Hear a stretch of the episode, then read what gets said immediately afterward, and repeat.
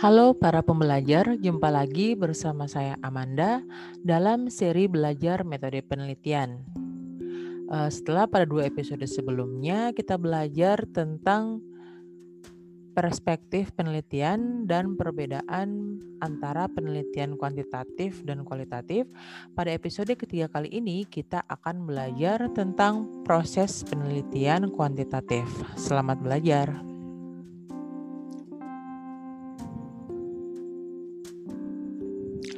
Seperti telah kita ketahui bahwa penelitian itu pada prinsipnya adalah menjawab masalah ya. Jadi masalah merupakan penyimpangan dari apa yang seharusnya dengan apa yang terjadi ya. Selain itu bisa juga dikatakan masalah itu merupakan penyimpangan antara aturan dengan pelaksanaan ataupun e, perbedaan antara teori dan praktek serta perbedaan antara perencanaan dengan pelaksanaan dan sebagai dan sebagainya ya. Penelitian kuantitatif bertolak dari studi pendahuluan atas objek yang akan diteliti. Ya, jadi studi pendahuluan ini biasa kita sebut dengan preliminary study untuk mendapatkan sesuatu yang betul-betul menjadi masalah. Ya, jadi masalah itu tidak serta-merta muncul atau tiba-tiba ada di atas meja kalian.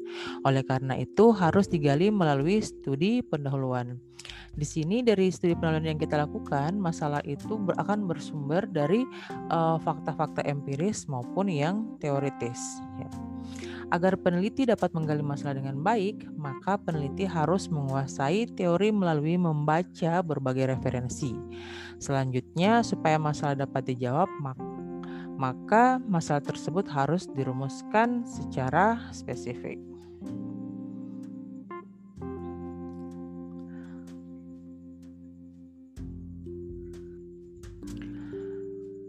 Nah, dari mana rumusan masalah ini bisa kita peroleh? Jadi untuk menjawab rumusan masalah itu kita bisa uh, melakukan dua proses ya. Yang pertama itu kita bisa uh, membaca konsep dan teori yang relevan ya. Selain itu kita juga bisa uh, membaca hasil penelitian sebelumnya uh, sehingga hasil penelitian tersebut dapat kita gunakan sebagai bahan untuk memberikan jawaban sementara uh, terhadap rumusan masalah penelitian ya. Nah, jadi kalau jawaban terhadap perumusan masalah yang baru itu kita dasarkan pada teori dan didukung dari penelitian yang relevan, tetapi belum ada pembuktian secara empiris atau faktual, maka jawabannya itu disebut hipotesis. Nah, nanti hipotesis inilah yang akan kita uh, buktikan lewat penelitian yang mau kita adakan. Ya, di sini dalam pengajuan hipotesis kita bisa menggunakan prinsip deduksi ataupun uh, prinsip induksi ya yang mana deduksi itu berarti kita menggunakan prinsip dari hal yang bersifat umum ke hal yang bersifat khusus sementara kalau induksi dari yang khusus ke yang umum. Nah, pada hipotesis ini uh, hipotesis kita itu harus menyatakan praduga terhadap hubungan antar variabel. Nah, kalau kita sudah punya hipotesis, uh, kita akan memilih metode, strategi atau pendekatan serta desain penelitian yang sesuai.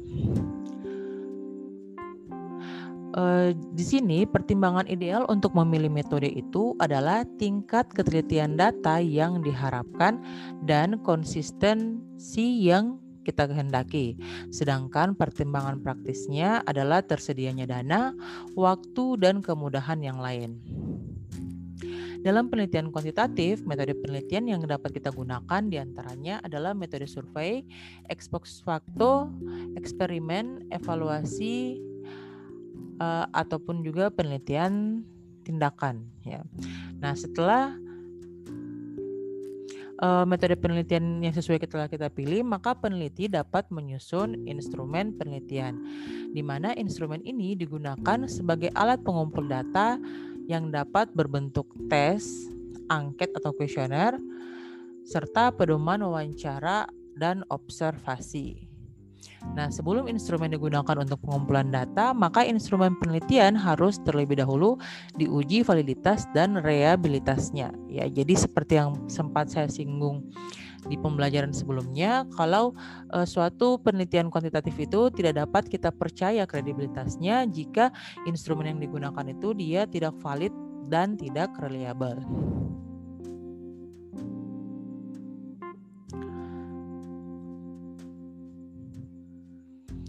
Nah, setelah kita sudah punya instrumen, proses yang kita akan lakukan selanjutnya adalah mengumpulkan dan menganalisis data. Ya, di mana pengumpulan data ini dilakukan pada objek tertentu baik yang berbentuk uh, populasi maupun sampel. Jika peneliti ingin membuat generalisasi terhadap temuannya, maka sampel yang diambil itu harus representatif atau mewakili dari kondisi populasi yang mau diteliti ya. Yang mana nanti kita selanjutnya akan mempelajari bagaimana teknik untuk uh, mengambil sampel tersebut. Nah, setelah data terkumpul, maka selanjutnya dianalisis untuk menjawab perumusan masalah dan menguji hipotesis yang diajukan dengan statistik teknik statistik tertentu ya.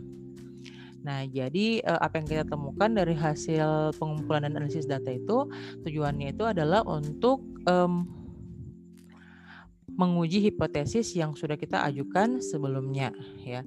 Nanti berdasarkan analisis ini, apakah hipotesis yang kita ajukan itu nantinya akan kita tolak atau kita terima atau apakah penemuan itu sesuai dengan hipotesis yang kita ajukan atau tidak ya.